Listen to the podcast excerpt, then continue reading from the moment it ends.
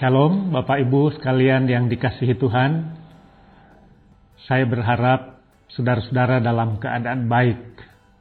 Kita pada kesempatan ini akan mendengar firman Tuhan untuk renungan hari ini dari dua Raja-Raja pasal 2 ayat 1 sampai 12. Firman Tuhan saya bacakan demikian.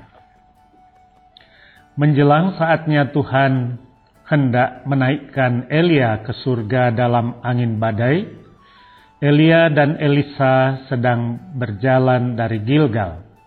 Berkatalah Elia kepada Elisa, "Baiklah, tinggal di sini, sebab Tuhan menyuruh aku ke Betel." Tetapi Elisa menjawab, "Demi Tuhan yang hidup dan demi hidupmu sendiri, Sesungguhnya aku tidak akan meninggalkan engkau. Lalu pergilah mereka ke Betel. Pada waktu itu keluarlah rombongan nabi yang ada di Betel mendapatkan Elisa lalu berkatalah mereka kepadanya, Sudahkah engkau tahu bahwa pada hari ini Tuanmu akan diambil daripadamu oleh Tuhan terangkat ke surga? Jawabnya, aku juga tahu, diamlah. Berkatalah Elia kepadanya, Hai Elisa, baiklah tinggal di sini, sebab Tuhan menyuruh aku ke Yeriko. Tetapi jawabnya, demi Tuhan yang hidup dan demi hidupmu sendiri, sesungguhnya aku tidak akan meninggalkan engkau. Lalu sampailah mereka di Yeriko. Pada waktu itu, mendekatlah rombongan nabi yang ada di Yeriko kepada Elisa, serta berkata kepadanya, Sudahkah engkau tahu bahwa pada hari ini Tuanmu akan diambil daripadamu oleh Tuhan, terangkat ke surga? Jawabnya, Aku juga tahu.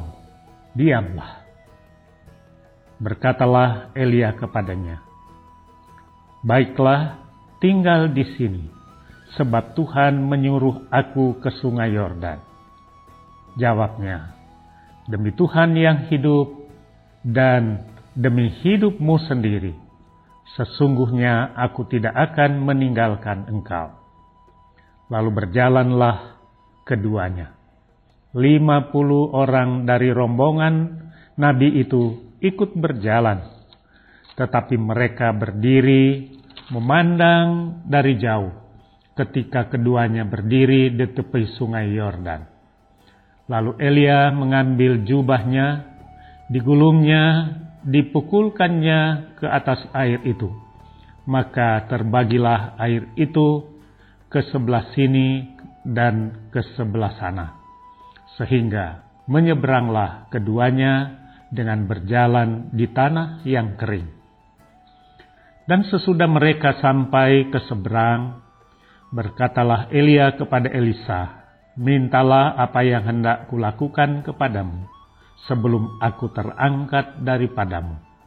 Jawab Elisa, Biarlah kiranya aku mendapat dua bagian dari rohmu.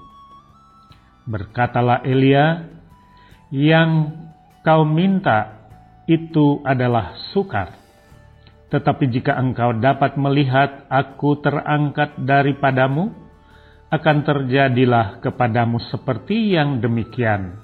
Dan jika tidak, tidak akan terjadi. Sedang mereka berjalan terus sambil berkata-kata, tiba-tiba datanglah kereta berapi dengan kuda berapi memisahkan keduanya.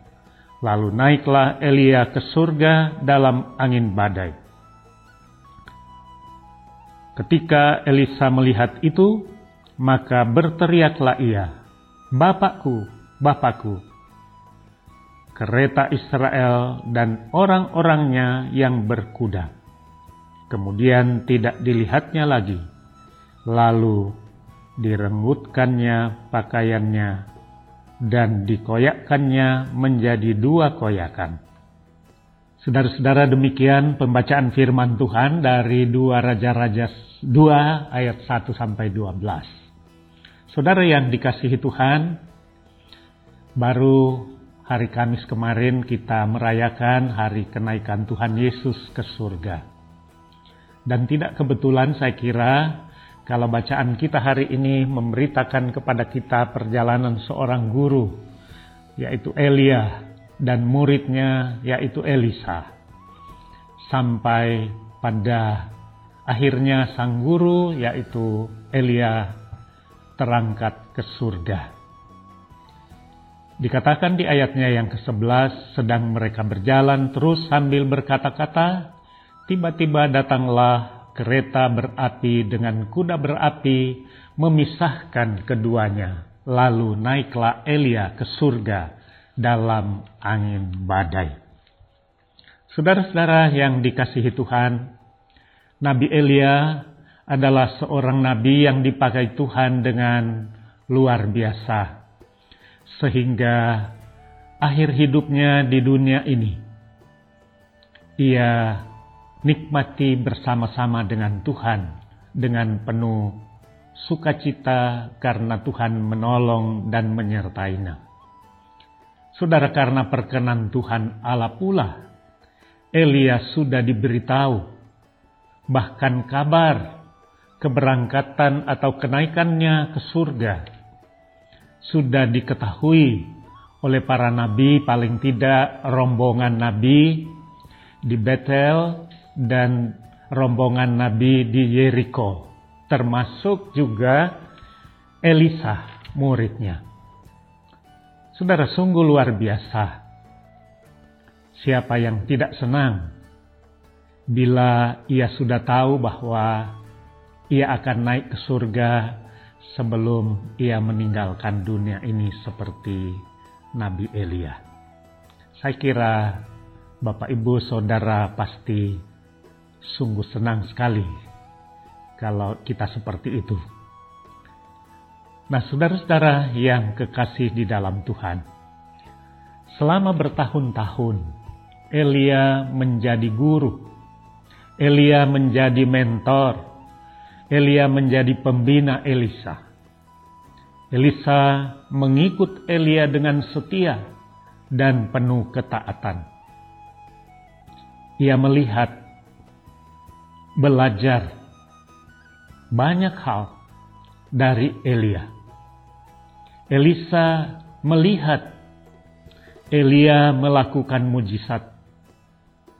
Elisa melihat, menyaksikan Elia menyelesaikan debat. Elia membawa rekonsiliasi. Dan berbagai pekerjaan yang dilakukan Elia disaksikan oleh Elisa sendiri menjadi pelajaran, menjadi pengalaman yang sangat berharga. Demikian juga sebaliknya, Elia mempersiapkan muridnya Elisa dengan sebaik-baiknya. Saudara-saudara yang kekasih, Elisa adalah orang yang setia dan patuh ia setia kepada seniornya. Ia setia kepada gurunya, kepada pembimbingnya, kepada mentornya. Dalam hal ini, Elia juga senang melihat Elisa muridnya yang setia dan taat. Ia merasa tidak salah pilih dan ia merasa bahwa Tuhanlah yang menunjukkan dan memilihkannya. Seperti yang bisa kita baca di satu Raja-Raja 19. Saudara-saudara yang dikasihi Tuhan, kesetiaan Elisa tampak di dalam peristiwa perjalanannya dengan Elia. Elia berusaha untuk meninggalkan Elisa, bahkan Tiga kali Elia melakukannya. Elia berkata, "Baiklah, tinggal di sini." bisa kita baca di ayatnya yang kedua, keempat, dan yang keenam. Tetapi tiga kali pula Elisa menolak untuk meninggalkan gurunya, mentornya. Bahkan ia berkata, Demi Tuhan yang hidup, dan demi hidupmu sendiri, sesungguhnya aku tidak akan meninggalkan engkau. Bisa kita baca di ayat yang kedua, keempat, dan keenam. Dari jawaban Elisa itu mengandung pengertian bahwa apa pun yang terjadi, apa pun resikonya, aku akan tetap ikut serta. Aku tidak akan berpisah dengan engkau sampai engkau naik ke surga. Niat, tekad yang luar biasa, kesetiaan dan ketaatan yang luar biasa. Saudara-saudara yang kekasih, akhirnya mereka mencapai perjalanan akhir di seberang Sungai Yordan. Pada saat-saat terakhir keberadaan Elia di bumi ini. Elia berkata kepada anak didiknya itu, kepada Elisa, mintalah apa yang hendak kulakukan kepadamu sebelum aku terangkat daripadamu. Saudara-saudara, Elia berkata kepada muridnya, mintalah apa yang hendak kulakukan kepadamu sebelum aku terangkat daripadamu. Apa yang dikatakan kemudian oleh Elisa? Biarlah kiranya aku mendapat dua bagian dari rohmu. Saudara-saudara yang dikasihi Tuhan, Elisa, Elisa meminta dua bagian dari roh Elia. Apa yang dimaksud atau apa yang terkandung dari permintaan Elisa ini. Saudara-saudara, ini dihubungkan dengan ulangan 21 ayat 17 yang mengatakan bahwa anak sulung diberi warisan dua bagian atau dua kali lipat dari anak yang lain. Jadi Elisa rupa-rupanya meminta warisan sebagai anak sulung dari Elia. Suatu bagian double dari anak yang lain. Double dari roh Elia. Itu bukan suatu kuasa yang lebih besar dari yang dimiliki Elia. Tetapi bagian yang diberikan kepada anak yang tertua anak yang sulung yang akan menggantikan posisi ayahnya, posisi orang tuanya. Saudara-saudara, Elia tahu bahwa bukanlah haknya untuk memberikan apa yang Elisa minta. Sehingga ia berkata, yang kau minta itu adalah suka. Di ayatnya yang ke-10. Tetapi jika engkau dapat melihat aku terangkat daripadamu, akan terjadilah kepadamu seperti yang demikian. Dan jika tidak, tidak akan terjadi. Saudara, ini mengandung pengertian bahwa Elia tidak punya kuasa untuk memberikan apa yang diminta oleh Elisa. Elisa meminta sesuatu yang Elia tidak bisa memberikannya. Tetapi Elia tahu bahwa Allah bisa dan mampu memberikannya. Sehingga tanda Allah berkenan atau tidak adalah seperti yang dikatakan oleh Elia. Kalau Elisa bisa menyaksikan Elia naik ke surga, maka ia akan mendapatkannya. Ia akan mendapatkannya bukan dari Elia, tetapi dari Tuhan. Saudara yang dekat dikasihi Tuhan, permintaan Elisa berkenan di hadapan Tuhan. Sebab Elisa bisa menyaksikan Elia terangkat ke surga di tengah badai.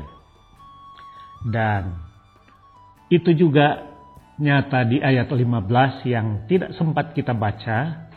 Di sana dikatakan roh Elia telah hinggap pada Elisa. Saudara-saudara yang dikasihi Tuhan, kisah Elia dan Elisa dalam perikop ini berbicara tentang bimbingan dan transisi kepemimpinan dari suatu generasi ke generasi berikutnya. Kita belajar bahwa transisi kepemimpinan atau penyerahan kepemimpinan begitu mulus berjalan dengan baik karena hubungan yang baik, relasi yang baik antara yang menggantikan dan yang digantikan. Kita perlu belajar dari Elia dan Elisa ini. Yang berikutnya kita juga belajar dari Elisa tentang bagaimana ia belajar dan setia mengikuti orang yang lebih berpengalaman dan lebih bijaksana dengan taat dan kesetiaannya. Kita juga belajar dari Elisa tentang ketaatan dan kesetiaan seorang murid kepada gurunya saudara-saudara yang kekasih. Di dalam hidup ini, kita memiliki peran sesuai dengan talenta dan pekerjaan kita masing-masing. Mari kita tetap setia memberikan yang terbaik bagi Allah. Elisa setelah terpilih untuk menggantikan Elia, ia memberikan diri sepenuhnya untuk melayani dengan tulus, melayani sepenuh hati dan penuh kesetiaan kepada Allahnya.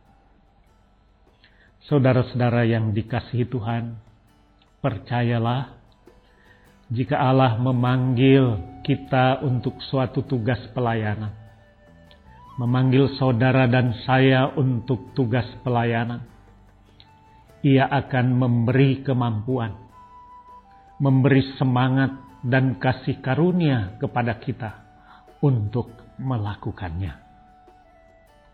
Tetapi marilah kita menjadi murid yang taat, murid yang setia kepada guru agung kita, yaitu Tuhan kita, Yesus Kristus. Maka kita akan diperlengkapi dan kita akan dimampukan untuk melakukannya. Belajar dari kesetiaan Elisa kepada Elia, kita termotivasi untuk semakin setia kepada Tuhan Yesus Kristus, Guru Agung dan Juru Selamat kita, sekarang sampai selama-lamanya. Amin. Mari kita berdoa. Tuhan yang Maha Kasih dan Maha Murah, terima kasih untuk firman-Mu, kiranya menjadi berkat bagi kami. Berkati setiap jemaat yang boleh mengikuti dan mendengar firman Tuhan ini. Diberkati senantiasa kehidupannya dan juga diberkati keluarganya Terima kasih ya Tuhan, berkati bangsa dan negara kami ini. Inilah doa kami. Kami pinta di dalam nama Tuhan Yesus. Amin.